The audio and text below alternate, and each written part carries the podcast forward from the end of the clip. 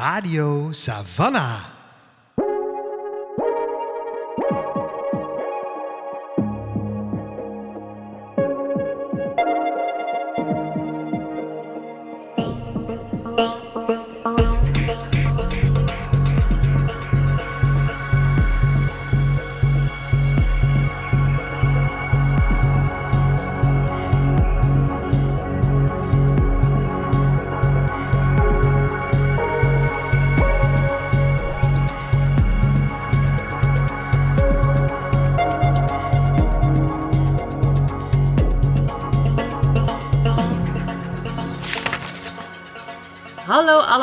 En welkom bij een nieuwe aflevering van Radio Savannah, de podcast van Boekwinkel Savannah W. Ik ben Suzanne En ik ben Lola. en Savannah W is een onafhankelijke boekwinkel in het centrum van Utrecht. Wij zijn gespecialiseerd in feministische literatuur. Voor ons wil dat zoveel zeggen als literatuur op het snijvlak van gender, decolonisatie, queerness en het klimaat. In elke aflevering van deze podcast zetten wij een boek, persoon of verhaal in het zonnetje waarvan wij nou, vinden dat die die spotlight eh, verdient. In deze eh, aflevering bespreken wij Boos Meisje van Marja Pruis. Yes. Mocht je Marja Pruis nou niet kennen, het kan. Ehm, zij eh, is een eh, veel gelezen, veel geprezen schrijver van romans, onder andere De Vertrouweling en Atoomgeheimen en Zachte Rieten. En van een biografisch portret dat heet Als je weg bent over Patricia de Martelaren. Maar ze is denk ik het meest bekend Mm. als columnist en recensent en criticus bij de Groene Amsterdammer, waar ze volgens mij wekelijks eh, te lezen is. Mm. En nu is er eh essaybundel Boos Meisje, deze zomer uitgegeven bij Neigen van Ditmar. Mhm. Ja, Daar eh, duiken we in vandaag. yes. Radio Savannah. Ja, Marja Pruis is al best een heel eh, bekend literair figuur in Nederland. Lees jij haar werk? Lees jij de Groene Amsterdammer bijvoorbeeld regelmatig? Niet regelmatig, Nee. af en toe. Ehm, en ik heb wel dan ook een, een zwak voor Marja Pruis. En ik weet niet Mm. of, zeg maar, binnen het kader van de Groene Amsterdammer. Ik weet nooit helemaal precies waar dat door komt. Misschien dat ze altijd naast Joost de Vries staat. En dan denk je, vind ik Marja Pruis hartstikke leuk. Joost de Vries, als je luistert. Die luistert. Die luistert niet. Ehm, eh, dus, en ik vind haar wel een heel steady figuur of zo in de, in de Nederlandse letteren. En daar, dat, dat waardeer En ook iemand met wel een, ja, een herkenbare, nou niet per se stem, want die ken ik dus blijkbaar niet zo heel goed, maar wel een, her- een herkenbaar profiel in elk geval. Ja, ja. Ja, inderdaad. Want eh, zowel haar schrijven als ook gewoon haar foto voelt heel vertrouwd op de een of andere manier. ja, en haar naam denk je, oh ja, maar je Pruis is er Ja, ook, natuurlijk. natuurlijk. Ja, ja, ja. ja.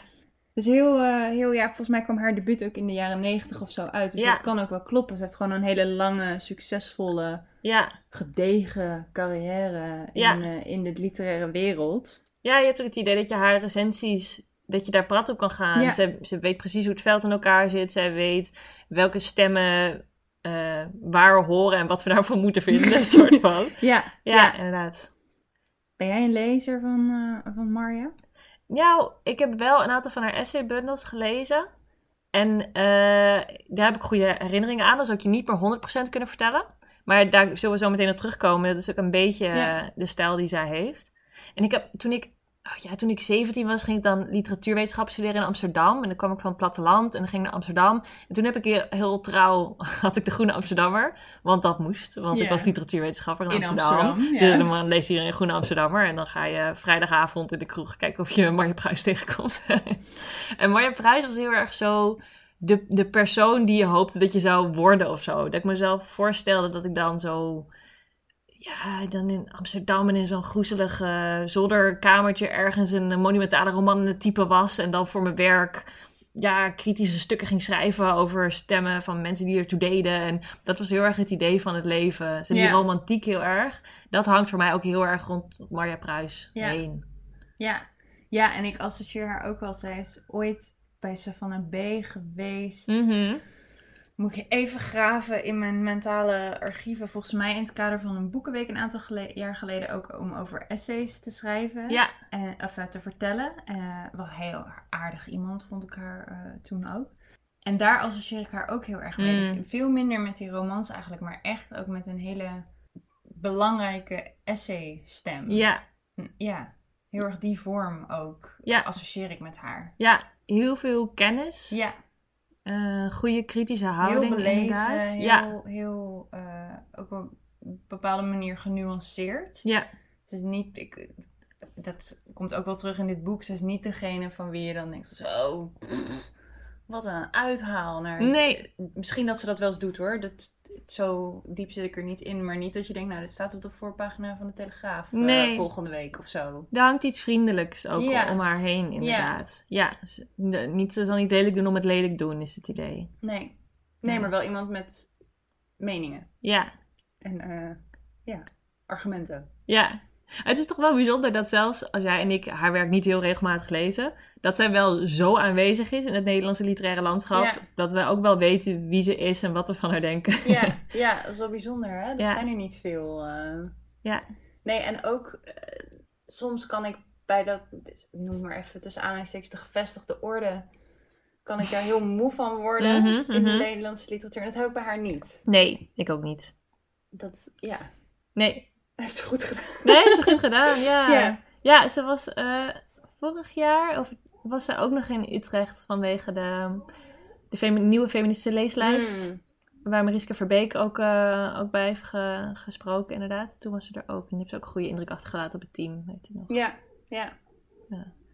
Dus wij, eh, wij begonnen met, eh, met optimistische houding. Ja, absoluut. Aan dit ja, boek. Ja, Ja. en ook wel fijn om, als je normaal, zeg maar, als je de Groene leest, lees je één artikel van haar. Mhm. Ik had ook wel zin om wat meer ook onder te dompelen in haar stem, Ja. zeg maar. Iets meer achter elkaar, iets meer volume gewoon in één eh, boek dan in dit geval. Ja, In plaats van, nou ja, wat zal het zijn? 2000 woorden, ik roep maar wat. ja, Eh, en dan is het tijdschrift uit. ja, inderdaad. Ja. En het is ook gewoon een, een onderwerp ja, waar wij in de winkel en jij en ik ook gewoon los daarvan eh, veel over nadenken. En ik was heel geïnteresseerd om te kijken wat zij daarover zou Ja. zeggen. Ja. ja, want het boek heet Boos Meisje. Eh, en de ondertitel is over vrouwen en frictie. Ik heb het nog een tijdje gelezen als fictie. Eh, Ah. maar dat was het niet. Frictie met een, met een. Ehm, en, en in het boek en er zitten dus allerlei, allerlei essays eh, in, in opgenomen. En Marja Pruis verkent dus eigenlijk niet alleen wie zijn boze meisjes, wat betekent boosheid, hoe verhouden vrouwelijkheid, vrouw zijn en, en boosheid zich tot elkaar, of, of juist niet boos zijn, juist aardig of Mm, people-pleaserig zijn, eh, zich tot elkaar. Maar ze trekt daar natuurlijk op zijn Marja Pruis allerlei boeken, schrijvers, andere mensen bij. En ze beweegt eigenlijk een beetje tussen heel persoonlijk daarover nadenken. Van welke frictie voel ik zelf naar andere vrouwen, naar hoe ik in de wereld sta en hoe de wereld op mij reageert en ik op, in, op de wereld. Eh, maar ook breder, contextualiserend thema's, ja, algemene thema's rondom feminisme, representatie, eh MeToo, Ja. sociale ongelijkheid, discriminatie. Die, ik roep nu allemaal hele usual suspect woorden, maar die zitten er wel allemaal in. Ja. Ja, is Ja. ook.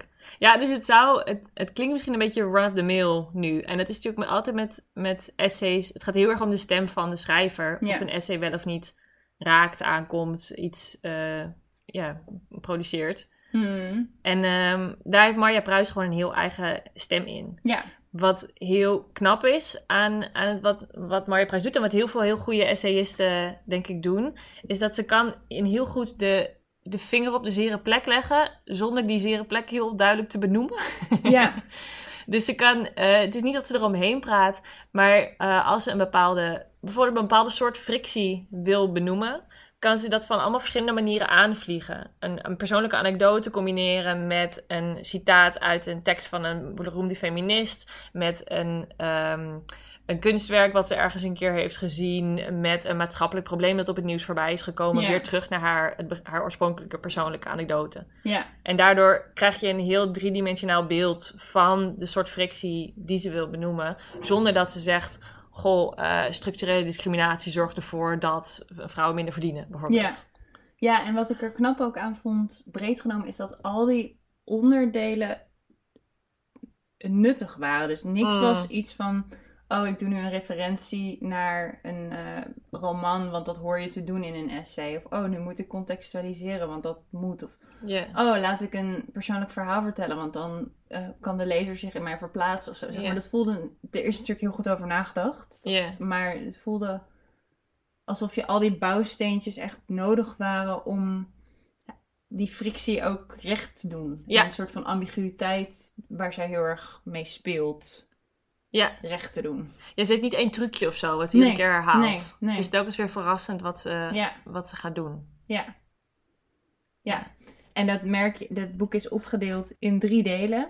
eh, waarbij het eerste en het derde deel eigenlijk meer, ja, meer iets meer die persoonlijke inslag nemen. Mhm. Ehm, en het tweede deel, iconen, daarin behandelt ze diverse vrouwen, schrijvers eh, vooral. Ehm, en denkt ze na over hoe zij ja, passen binnen, even gechargeerd, de categorie boos meisje. En, Mhm. en welke rollen zij aannemen, hoe er publiekelijk op hun wordt gereageerd. Welke, hoe zij als vrouw op hun reageert, waaraan ze zich spiegelt, waar ze zich aan stoort, waarom ze zich ergens aan stoort. Eh, ja, en een soort van de complexiteit van die, van die publieke figuren Ja. eh, zoekt ze daarin heel erg op. Ja. En wij hadden allebei eigenlijk bij het lezen dat die, het eerste en het derde deel ons het meest direct aansprak. Ja, Dus dachten, laten we daarmee beginnen. ja, ja. Ja, En een ingang om het daarover te hebben, hoe ze dat aanvliegt, eh, is hier. Dit is een, een kort citaat uit een interview wat ze gaf in de Volkskrant. In een interview met Sarah Berkeljon. Ehm, over de titel zegt ze: Alles zit erin, boos meisje. Dus ze zegt: De tegenstelling tussen stoer en lief, wat je als vrouw allebei moet zijn en wat een onmogelijke opdracht is. Een boze vrouw is iemand voor wie je bang moet zijn. Een boos meisje heeft iets speels, iets grappigs. Zelfs ben ik, zelf ben ik geen boos meisje. Ik was wel woedend over de verhoudingen tussen man en vrouw bijvoorbeeld, maar ik vond het lastig iets anders te laten zien dan het meisjesachtige gedrag dat van me werd verwacht. Ik heb wel altijd boze meisjes als vriendinnen gehad, meisjes die meer durfden dan ik. En dat is denk ik ja, een beetje heel kort samengevat wat het boek zegt. ja. Dus het gaat over een boos meisje, wat een heel nare frase is eigenlijk. Tenminste, een boos meisje is heel erg vrouwen wegzetten als... Oh, er is weer, een- weer een boos meisje. ja. En eh er zit heel iets ver- verkinderlijkends in. En iets niet verwend bent of zo. Ja, inderdaad. En tegelijkertijd eh, merk je uit het hele boek dat Marja... eh, Marja, mevrouw Pruis, heel, een heel groot ja, ontzag bijna heeft voor boze meisjes. Eh, omdat het ook iets is wat zij zelf wel... Die boosheid is iets wat ze zelf wel voelt en als gevoeld heeft. Maar ze is nooit echt... Ja, zoals al zei, nooit echt een boos meisje geweest. Nee, nee. Nee, ze ziet toch een bepaalde... Ja, vanuit haar perspectief dus een bepaalde ongeremdheid of vrijheid. Ja. Of, of misschien zelfs oprechtheid ook. Ja. In, in de echte boze meisjes, zeg Ja. maar. Die hebben... een- hoe zij het dan interpreteert, ook een soort scheid aan alles en iedereen. Ja. Waar zij ook wel tegen opkijkt. Ja. En dat zit heel... Zij, zij formuleert het dan in die quote die Suzanne net voor dus ook als meisjes die meer durfden dan ik. Ja, Het is echt ook een bepaald ontzag of zo. Maar ook eh, irritatie soms. ja. Of onbegrip. Ja. Of, eh, ja. Ze vertelt een anekdote over een, ehm, ja, een college wat ze ergens geeft. Of een workshop die ze ergens geeft. Waarbij er zo'n boos meisje vooraan in, in, haar, in haar klaslokaal zat. En aan de ene kant merkt ze dat ze dat heel irritant vindt. Omdat die dan allemaal niet op zit te letten. En zich een beetje te goed voelt voor alles en zo. En aan, aan de andere kant merkt ze ook dat ze heel graag... Dat ze haar best heel erg aan het doen is. Omdat de boze meisjes er toch een soort van indruk op haar te maken. ja, om haar te pleasen ook. Wat Ja. natuurlijk een heel gekke reactie is op een boos meisje. Helemaal als de Marja Pruis van de Nederlandse letteren. Ja. ja. ja, en er zit iets heel in die houding, die eigenlijk uit heel veel van die essays uit het eerste en het laatste deel spreekt. zit een heel mooie kennismaking met Marja Ja. Prijs. Voor de lezer ook. En iets wat heel herkenbaar is natuurlijk Ja. voor heel veel mensen. En dat idee dat je ja, radicaler zou willen zijn dan je eigenlijk bent. Dat zoveel mensen die zichzelf feminist noemen of daarmee bezig zijn, die herkennen dat gevoel, denk ik. Ja. Ja, en ook het waar ze nooit. Ze twijfelt nooit aan het belang van een boos meisje of het serieus nemen van een Mm. boos meisje of wat. Dat is. Zeg maar, die vraag roept ze in ieder geval voor zichzelf helemaal niet op. De, de, het is in de basis. eh, de, de, de soort het respect en de waardering is er. Mhm. En de, dus waar, wat we net zeiden van het roept misschien dingen op van kinderlijkheid of daar is ze allemaal helemaal niet mee bezig. Nee. Eh, dus het gaat, veel, het gaat alweer veel verder dan dat, zeg maar. Dus ook niet een soort oproep van neem deze meisjes Nee. serieus of wat dan ook. Dat is, er- dat is er gewoon. Ja, Ehm, en dan is de vraag hoe dan, wat roept dat op? Welke frictie ja, ontstaat er? En, eh, en ook hoe krijg je dat op papier? ja. Want waar inderdaad, en ik hoop dat jullie dat dan wel aanvoelen. eh Marja Pruis laat de eerste tien vragen over. Ja, ja. Ze is niet geïnteresseerd, ze gaat niet uitleggen eh, waarom feminisme nodig was en wat de verschillende rollen zijn geweest en wie een rol in heeft gespeeld en hoe de stand van zaken nu is. Dat is Of je je überhaupt boos zou moeten maken, ja of nee. inderdaad de Ja. voor- en nadelen zijn van boosheid. Dat zijn allemaal vragen waar Marja Pruis niet geïnteresseerd in is. Ze begint inderdaad bij vraag 11. En dus als je eh, die ondertitel over vrouwen en frictie is dus niet een soort van cultuurgeschiedenis van vrouwen en frictie. Of Nee. zo. Nee. Het gaat echt over alle verschillende nuances die Marja Pruis zelf in het dagelijks leven tegenkomt, in haar werk tegenkomt, in de kunst en de literatuur tegenkomt, om die te gaan verkennen. Ja. Ja. Ja, en vanuit een, vanuit een gedachte van we, we zitten wel in hetzelfde team. Ja, Dat is een beetje hoe ik het voelde bij haar. Van, oh ja, wij zijn misschien anders. En ik vind het soms lastig om me te verhouden tot een boos meisje. Of ik wil er zelf in zijn. Of ik wil er meer of minder in. Nou ja, et cetera. Maar uiteindelijk zijn we wel... Ja, in- horen we, staan we aan dezelfde kant op een bepaalde manier. ja, en want dat soort van vertrouwen heb je wel nodig om dit project eh, Ja. te doen. Ja, Want ze gaat ook heel erg in op de frictie tussen vrouwen. ja, Dus bijvoorbeeld tussen haar en dat boze meisje in haar workshop eh, of in haar klaslokaal, wat het, eh, wat het was.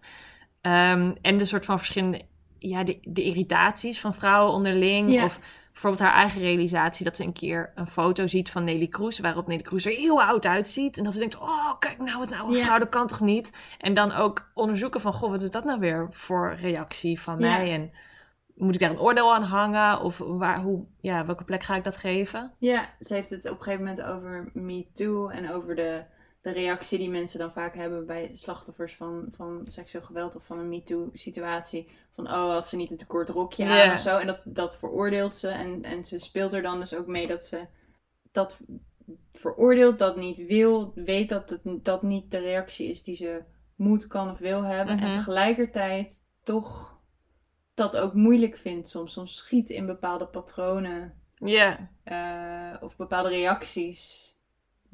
Ja, waar ze dan niet achter staat, maar die ze wel heeft of zo. ja. Zonder dat ze dan heel erg diep gaat zeggen van... Oh ja, dit is het patriarchaat. En dat heeft ons allemaal Ja. geïndoctrineerd of zo. Oh, dat is heel apologetisch van, oh, wat slecht dat ik dat denk. Ja. Nee, dat, de, als, nogmaals, al die eerste tien vragen en Ja. reacties slaat ze over. Nee, het gaat echt om het, om het zoeken en het verwoorden van nuance, complexiteit, open eindjes, Ja. onoplosbare Ja, dingen. klopt. En, ze, en een soort frictie die daar ook vaak bij komt kijken, eh, en met name in het essay, wat ons allebei ons lievelingsessay was, eh, gaat ook over ehm, zeg maar sociale klassen. Ja, En eh, de, de houding die we daarin aannemen, de voorkeuren die we daarin ontwikkelen. En waar we ook een soort van bijna krampachtig aan vasthouden. ja. Als zouden die ons definiëren. Ja, ja dit is het essay, het, eerste essay. Ehm, het heet Arrogantie of Wij horen bij elkaar. En het opent met dat Marja Pruis op Schiphol zit eh, onderweg. En ze gaat naar, naar Brazilië, naar Sao Paulo. En dan zit je daar, nou, je bent door de security heen. Dan zit je daar bij de gate te wachten tot je een vliegtuig eh, in mag. Ik denk dat het wel herkenbaar is voor veel mensen. En dan zit ze om je heen te kijken van, oh, deze mensen gaan ook naar Mm. Sao Paulo dan in dit geval. En zij heeft allemaal zij observeert sowieso allemaal dingen aan, aan haar medepassagiers en ze oordeelt daarover. Of ze distancieert zich in elk geval meteen van die mensen. Van, oh, dat zijn vrouwen met felgekleurde leggings met geometrische figuren. Ja. Dat ben ik niet. Ja. Wij zullen nooit ehm, met elkaar een connectie, of een soort van waardevolle connectie aan. Wij gaan elkaar niet kunnen vinden. Ja. Dus dan zegt ze ook, een angstige gedachte bekruipt me. Zijn zij straks mijn reisgenoten? Ja. Dat is geen aardige gedachte. Helemaal niet, nee. dat is, en dat weet zij ook. Ja. Ehm, maar ze heeft het wel. En wat dan volgt is eigenlijk een soort beschrijving van die reis en van hoe zij eh, dus bij een bepaalde groep hoorde, gewoon door hoe de reis georganiseerd was, maar daar ook niet bij hoorde en daar dus en allerlei oordelen over heeft, maar ook zichzelf gewoon totaal in de weg zit. En een soort van vasthoudt aan, ja, een beeld van zichzelf of iets, iets of iemand die ze is of wil zijn. Ja. Ehm, en ze, zich, ze bekijkt dat dan vanuit een lens van, een beetje sociologische lens Sure. Van, van verschillende sociale klassen. eh, waarin ze het heeft over de strevende klasse. Ja, echt een heel naar woord. Ehm, en eh, daar, dat is een, eh, een begrip ge- gemunt door Elizabeth Currid Halkett. En daarover zegt ze het volgende. Er is een nieuwe elite opgestaan die zich niet zoals in het verleden onderscheidt door met zilveren bestek te eten van porseleinen borden en gewoon te laten zien dat ze veel geld heeft, maar die zich op een andere, subtielere manier maatschappelijk laat gelden. Dat heeft dan meer met opleiding dan met inkomen te maken. Het heeft te maken met het soort boeken en kranten dat wordt gelezen, dat er überhaupt wordt gelezen. Met het feit dat op een biologische markt kaasjes worden gekocht in plaats van in de supermarkt de voorverpakte fabrieksvariant. Deze strevende klasse gaat prat op een cultureel kapitaal dat niet voor iedereen vanzelfsprekend is of toegankelijk. Sterker nog, deze strevende klasse gaat prat op een cultureel kapitaal dat buiten die klasse ook geen waarde of geldigheid heeft. Al moet ik zeggen dat ik dat laatste zelf invul, gezien de ervaringen die me nog staan te wachten met het reisgezelschap waarmee ik me straks in Brazilië bevind. We leven in een land van kloven, wordt ons de hele tijd volgehouden. De kloof tussen het volk en de elite, tussen hoog en laag opgeleid, tussen de randstad en de provincie, tussen pro en contra Zwarte Piet, tussen man en vrouw, wit en zwart, he en ho, tussen de good mensch en de boos mensch. Tussen voor 59 euro naar Tenerife willen vliegen en lopen over het Pieterpad, tussen vlees en vee gaan. Ehm, en dan op een gegeven moment stelt ze dan de vraag, eh, naar aanleiding van observatie van, van haar reisgenoten, wie behoort hier nu precies tot een strevende klasse? Degene die zich over een paar dagen lachend in een oranje reddingsvest zullen laten hijsen, achter elkaar plaats zullen nemen in een smalle boot, om zich met doodsverachting over de stroomversnellingen in de Parana zo dicht mogelijk bij immense watervallen te laten brengen. En op het moment dat ze min of meer onder die waterstromen doorvaren, allemaal tegelijk juichend hun armen in de lucht werpen. Of is het die eenzame persoon die zich daar hoog boven achter de reling heeft verschanst, in haar rug- rugzak Exit West van Moshin Hamid. En zal, zal staan toe te kijken hoe die bootjes daar gaan, zich afvragend in welk bootje Gijs zal zitten. En Sandra, Jovanka, Herman. Al wetende dat ze straks tegen haar zullen zeggen dat ze wat gemist heeft. Hoe gaaf het was. En daarna vertelt ze dus dat, en eigenlijk met een soort van afstand van zichzelf, en dan heeft ze het dus niet over ik, Marja Pruis, maar zij, eh, gaat dan dus niet mee naar al dat soort van Toeristenattracties. toeristenattractie, maar ze gaat dan met een bus naar een museum in the middle of nowhere, waar een schrijver die ze bewondert van alles heeft gedaan. Ja. En wat allemaal heel cultureel verantwoord is. En dat hele. ehm, en dat, dat is natuurlijk allemaal helemaal vreselijk eigenlijk.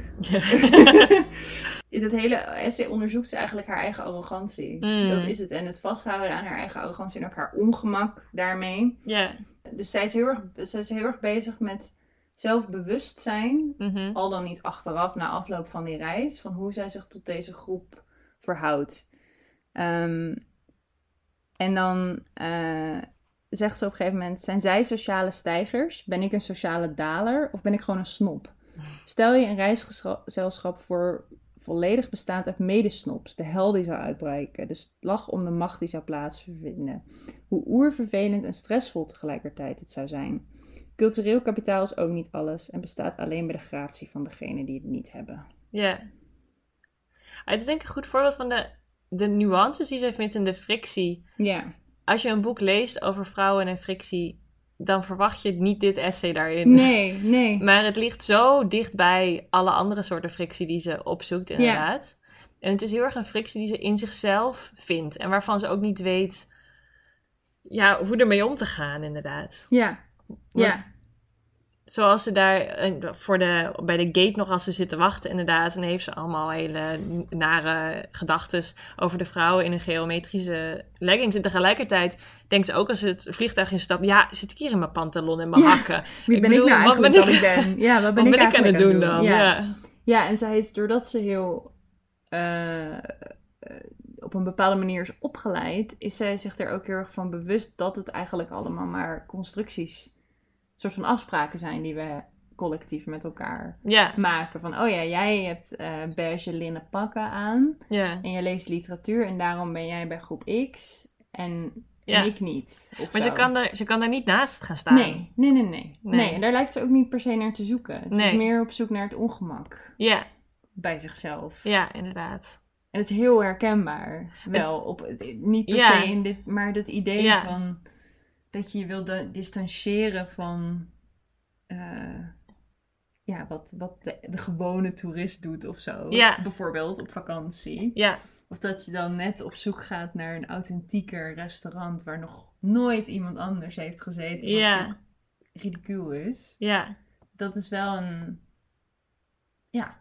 Ja, en dat maakt ook ehm, wa- waarom. Dit werkt heel goed als essays. Ja. Omdat ze heeft een manier van schrijven die een beetje tussen fictie en non-fictie in ligt. Het maakt mij niet uit of ze echt in Brazilië is geweest of eh, dat ze echt. die- hoe die mensen heten die daar waren. Inderdaad, daar, ga, daar gaat het niet om. En Nee. omdat het meer tegen fictie aan ligt, laat het ook die ambiguïteit los. Dat je als lezer niet aan het verkennen bent of je het met haar eens bent of niet. Nee, nee, want ze is je ook niet aan het overtuigen van. Nee. Ze geeft een soort van wat theoretische handvatten om wat ze zegt te ja, funderen Ja. of zo. Of om een soort van nieuwe wending aan een bepaalde observatie te geven. Maar ze is inderdaad niet bezig met een argumenten Nee. verzamelen om te zeggen: Nou, kijk, dit is hoe het zit met de arrogantie van. Weet, ja, ik las ook de havermelk-elite erin. Ja, zeg maar. Dat soort Ja, eh, termen komen er dan ook bij. ja. Maar je, gaat, je leest dit niet en je denkt, oh, maar dit is geen solidair feminisme en we moeten intersectioneel. Dat is gewoon niet ehm, de reactie die dit boek oproept, omdat Nee. het niet is wat ze aan het doen is veel Ze, vragen. ja, ze pleit niet voor een bepaalde verhouding of een bepaalde interne reflectie. Nee. Nou, misschien dat een beetje, maar Ja, wel voor reflectie misschien, ja. Maar niet omdat dat je daar dan mee, wat mee moet of zo. nee. Nee. Want dat vind ik wel krachtig aan haar, hoe ze zichzelf neerzet hier, is dat ze heeft al die gedachten. Maar dat leidt niet altijd tot gedragsverandering. Nee. En dat is, daar kan je wel wat van vinden. Ja. Maar ik vind het ook realistisch. Ja, en de, dat wat je daarvan vindt, dat staat eigenlijk een beetje naast dit boek. Ja, dat is misschien, ja, ja. Dat is als je Marja Pruis zelf kent, kan je het een keer met haar over hebben. maar als lezer van dit boek ehm, is dat een beetje een zinloze reactie. Ja, Ja, dit is gewoon niet het genre waar ze in schrijft. nee. En dat is een heel goed genre voor haar. En een hele mooie eh, leesmodus, merkte ik zelf. Voelde het heel ontspannen, omdat je je mee kan laten voeren zonder dat Ja. er echt een appel op je gedaan wordt. Ja. Maar tegelijkertijd ook weer, ik voel me wel aangesproken. Ja, het is inspirerend, Het is maar... in die zin niet passief of zo. Nee, nee, nee, zeker niet. Nee. Het zet je wel aan het denken, maar ik ga er niet ehm, het roer radicaal van omgooien in mijn leven. Nee, dat, dat, zo'n boek is het inderdaad niet. Nee. nee. Nee, het spoort niet per se aan tot daden. Nee. We hadden het hier van tevoren al even over. Wat ik merkte toen ik dit boek las, is dat ik meestal als ik feministische literatuur lees, veel radicalere stemmen gewend ben. Hmm. Mensen die veel verder willen gaan, mensen die het allemaal anders willen. En dat is gewoon niet wat dit boek is. Ze is Nee. zeker niet, oh god, laat, laat de wereld maar zoals die is, het is al lastig genoeg. Dat is helemaal niet. Het is gewoon, het is geen, niets van het alles. Nee, het is gewoon niet het doel van het boek, Nee. denk ik. Ik denk Nee. dat, dat, of dat het daar niet... Zij is daar misschien wel in, ge- in geïnteresseerd, maar dit boek niet. Nee. Dat Het is leest, wel een goede manier, met wat jij net zei, om het samen te vatten. ja. het leest eigenlijk voor een beetje meer... Mijn leesmodus was meer als een roman of korte verhalen Ja, dan, eh, dan non-fictie. ja, ja. Ja, want het is ook niet per se dat ze iets wil leren. Nee, Misschien wel. je kan er wel veel Je van kan er leren. wel veel van leren, maar het is niet de opdracht die ze zichzelf Nee. gegeven lijkt te hebben. Het is Nee. echt onderzoeken. Ja, Voordat we verder eh, op pad gaan met de boze meisjes, ehm, maken we heel even pas op de plaats. Want eh, het is tijd voor een rubriekje yes! die we tegenwoordig in de podcast hebben.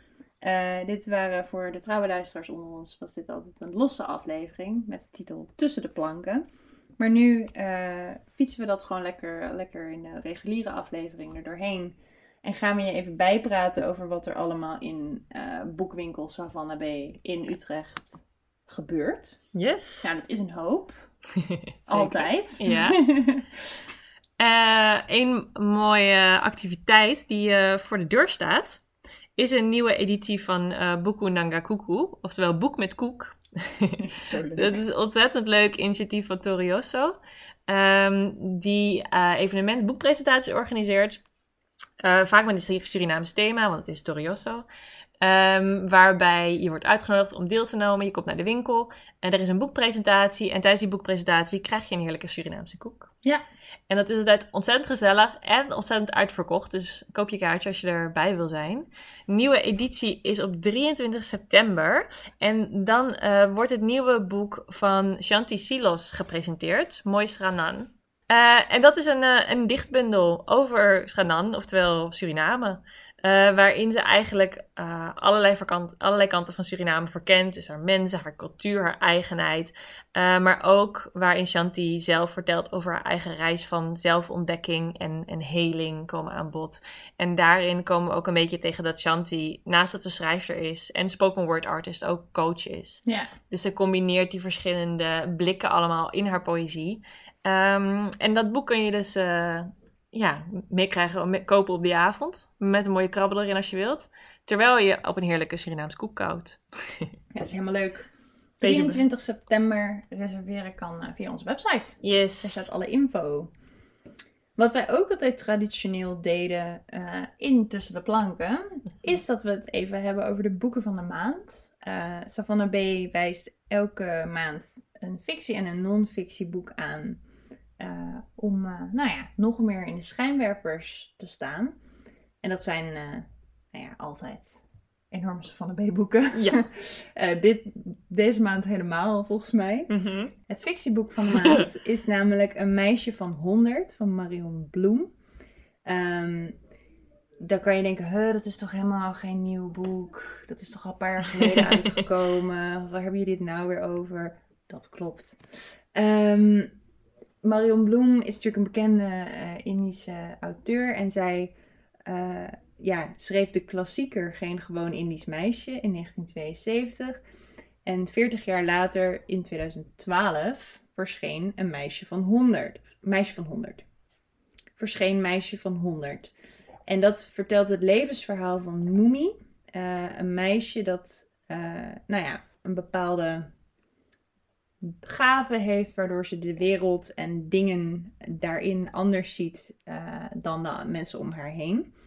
En dat is nu natuurlijk tien jaar geleden. Dus dit is een jubileumjaar voor Meisje van 100.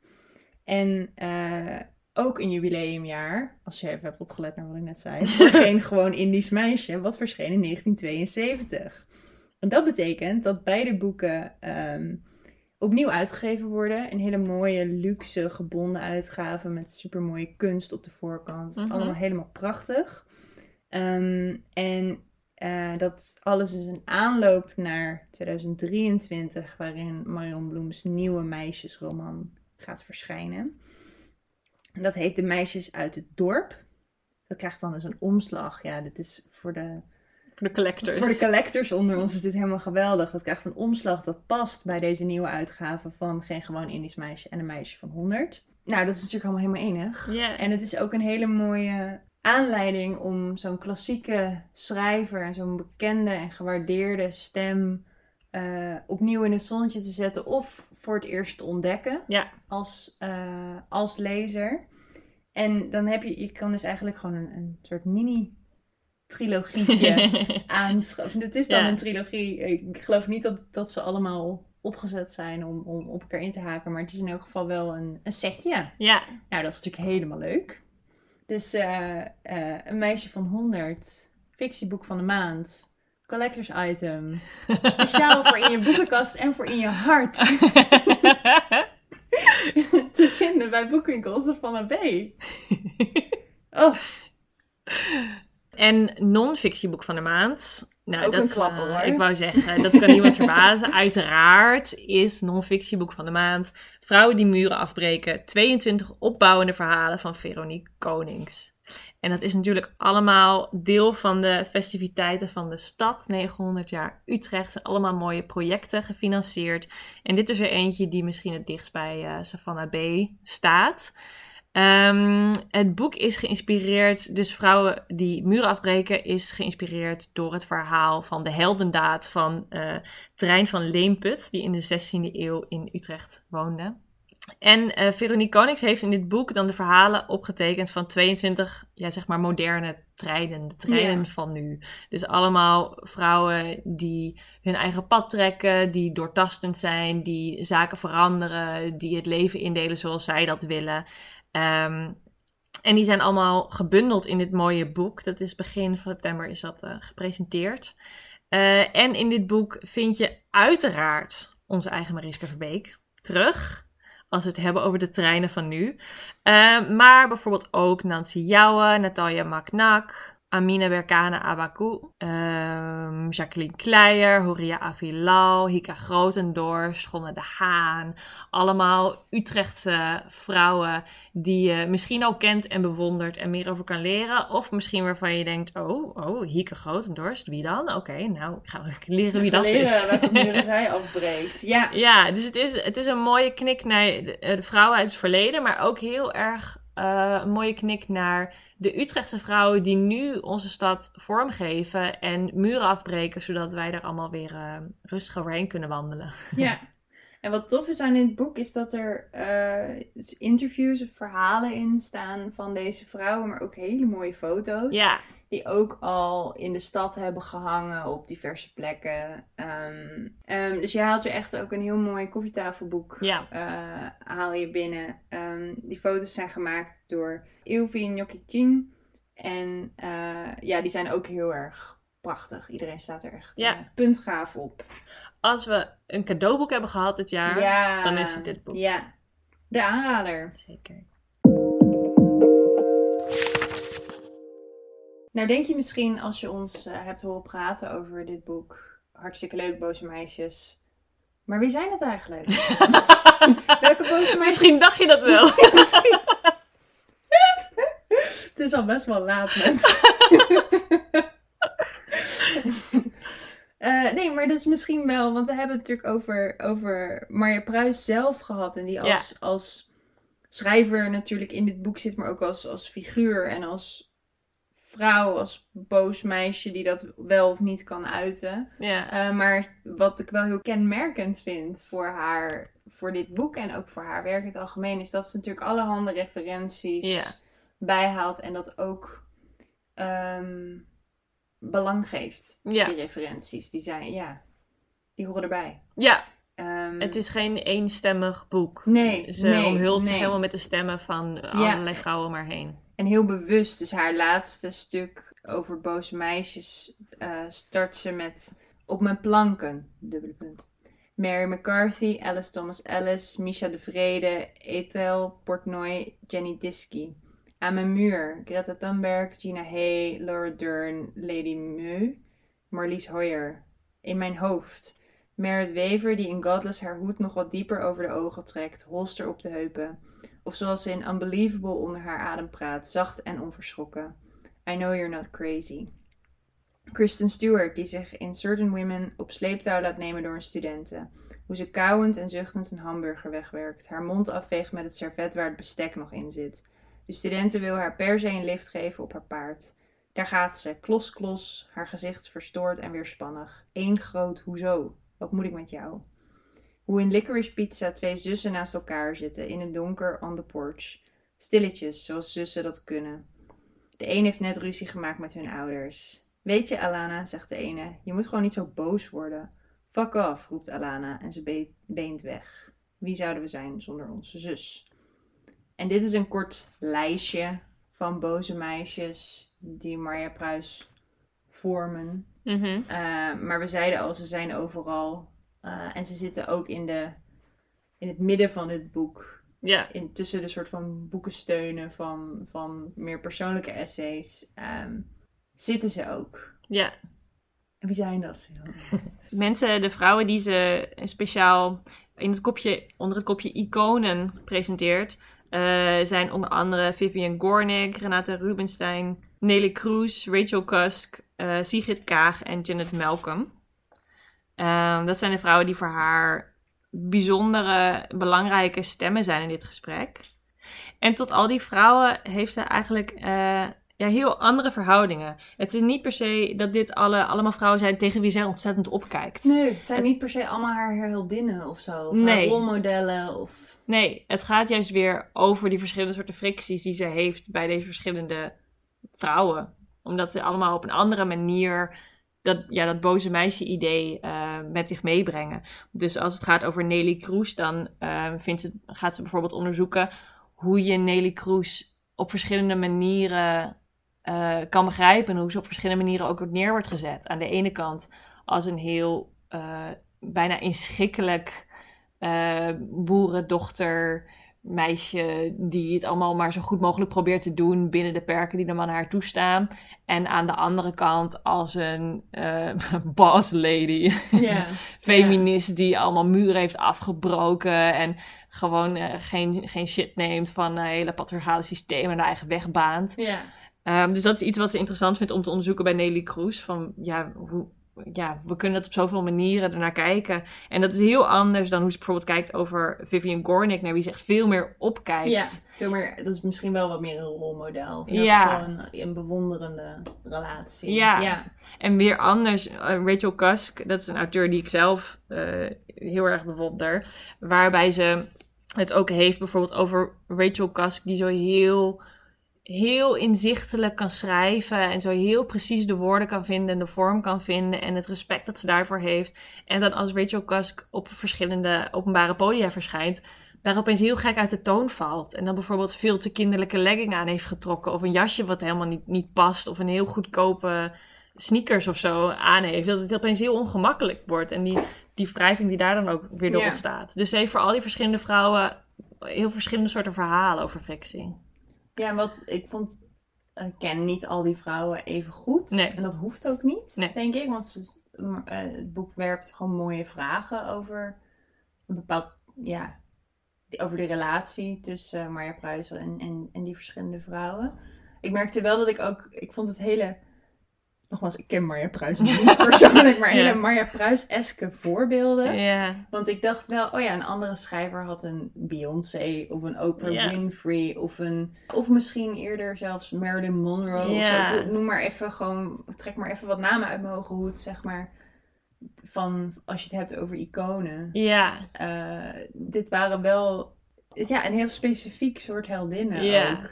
Dat vond ik heel leuk. ja, En misschien ook generationeel gevormd natuurlijk. ja. Dat, eh, ja.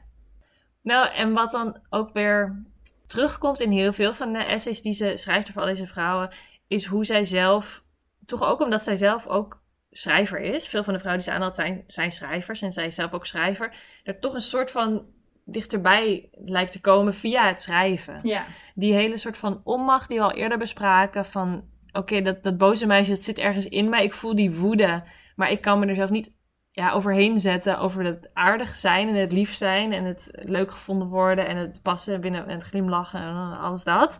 En via dat schrijven kan ze daar nog het, het dichtst bij komen, lijkt wel. Een soort van bezwering van, van die... Of tenminste een betekenis geven aan die frictie en daar... ehm, ja, daar daarmee toch een weg doorheen vinden. Ja. En dat vind ik, dat, eh, vind ik wel een mooie gedachte. Ja. Hey Lola, aan wie zou jij dit boek aanraden? Wie moet dit boek gaan lezen? Ik zou het aanraden aan schrij- jonge schrijvers, denk Mm. ik. dus misschien mensen die een schrijfopleiding doen of die gewoon überhaupt houden van schrijven eh, en, en daarmee ook van lezen, maar specifiek ook zelf willen maken, zeg maar. Ehm, omdat dit denk ik hele interessante essays zijn om echt te kijken wat doet zij hier nou. Want het is echt Mm. vakmanschap wat er in dit boek zit. Wat ik er niet per se uit kan halen, ik ben geen schrijver. Mhm. En ik ben daar ook niet per se enorm in geïnteresseerd om op echt op zinsniveau of structureel niveau daarover na te denken. Maar ik denk wel dat het heel interessant is om te Mm. kijken waarom werkt dit en welke spanning zoekt ze op en wat doet ze wel en wat doet ze niet in dit boek. En het is een boek wat gaat over schrijven en over hoe je je, je boze meisje of en hoe je die via schrijven kunt vinden, kunt uiten, kunt navigeren. Ehm, dus het, het lijkt mij, maar goed, misschien vul ik dit in voor mensen, maar best een leerschool. Ja, met je dit- masterclass. Ja, ja, ja. Ook omdat het zo. eh, Het, vers- het zijn verschillende. eh, f- ja, niet verschillende vormen, maar wel verschillende nadrukken die ze legt in vorm. ehm, in de essays. Dus de wat meer beschouwende, wat meer persoonlijk. Sommige zijn ineens heel kort. Ja. Ehm, dus er zit ook niet per se een formule in die je kan leren of zo. Ik denk dat je best onderzoekend Ja. kunt proeven en leren en analyseren. Ja. Dus Ja. dat, eh, dat, ja. Ik denk als die een keer in de winkel, iemand een keer in de winkel komt van wat is nou een originele essaybundel. Ja. Ik schrijf zelf ook en ben me daarin aan het ontwikkelen en een beetje aan het aftasten. Ja. Eh, dan eh, is dit inderdaad misschien een soort mini-masterclass. Ja. Waar je ook gewoon als mens nog allemaal dingen uit kan halen. Sure. Ja. Oh ja. En wie zou jij hem aanraden? Nou, ik, zit, ik ehm, zit erover te denken. En ik denk dat ik, als ik in de winkel zou staan, eh, mensen die eh, rechtstreeks naar de gender studies non-fictiekast zouden lopen. eh, die gewoon heel veel willen leren over het feminisme en daar allemaal radicale standpunten over in willen nemen. Daar zou ik dit boek niet zo snel voor uit de kast trekken. Ik zou meer uit de kast trekken voor de klanten, die hebben met enige regelmaat die bij de fictie staat te zoeken. En die wil een mooi boek, eh, iets met vrouwen. ja, iets feministisch. Ja, Dat is best ja. een, eh, nou ja, gewoon een eh, reguliere verzoek. En dat is een hartstikke mooi verzoek. En daar zou ik denk dit boek, en dan moet ik even uitleggen waarom ik het dan aanraad. Want het, het ligt natuurlijk eigenlijk onder de non-fictie. Maar het, het voelt, het leest veel meer als een fictie. Je, le- je haalt meer uit dit boek, denk ik, als je het leest als fictie. Ehm, of tenminste gefictionaliseerde essays. Maar dat is dan, ja. Ehm, en ik denk dus iemand die op zoek is naar... Ik ga lekker op de bank zitten en ik ga mooi in iemands hoofd kruipen. En ik ga leren over feminisme en daar eh, me mee bezighouden. Maar me verliezen in iemands anders eh, hoofd en positie in de wereld en ervaringen. Eh, dat is het, degene die ik dit boek mee ga geven. Ja, het is gewoon geen harde non-fictie. Nee, Dus dan is het inderdaad eerder, ja. dat ga ik dan geven. Ja, Dat klinkt, dat klinkt nu heel vaag, maar dat is wel gewoon een klant die we heel vaak hebben. Dus, je in de winkel ja, komt. inderdaad. Zou ik ze aanwijzen. Nou, met die eh, originele eh, aanbevelingen zijn we aan het einde gekomen van deze aflevering van Radio Savannah. Mhm. Wij lazen Boos Meisje over vrouwen en frictie van Marja Pruis. Yes. Heb jij het nou ook gelezen? Ben je Marja Pruis fan? Lees je wel eens de Groene Amsterdammer? Laat het ons Laat weten. het ons weten. Eh, nee, we horen natuurlijk alles graag. Al jullie ideeën, meningen, et cetera. We zijn eh, te, te bereiken via alle sociale media kanalen van Boekwinkels van de B. Eh, we zijn te mailen. We zijn eh, in de podcast apps te vinden. Daar kan je een berichtje achterlaten als je het leuk vindt. En vijf sterren geven Vijf natuurlijk sterren even. geven. Ja, vinden we allemaal hartstikke leuk. Je kan langskomen in de winkel. Ja. Boos meisje op komen pikken. Of mooi gewoon eh, door de winkel komen browsen. Ja. Wij bedanken altijd. Mm. Dus nu ook weer. Rieke Blom voor het maken van ons logo. En Gooflux voor het maken van onze intro en muziek. Onze sound effects die je hebt gehoord. En eh, wij bedanken jullie heel erg voor het luisteren. Uiteraard. Uiteraard. En eh, Tot de volgende keer. tot de volgende. Bye.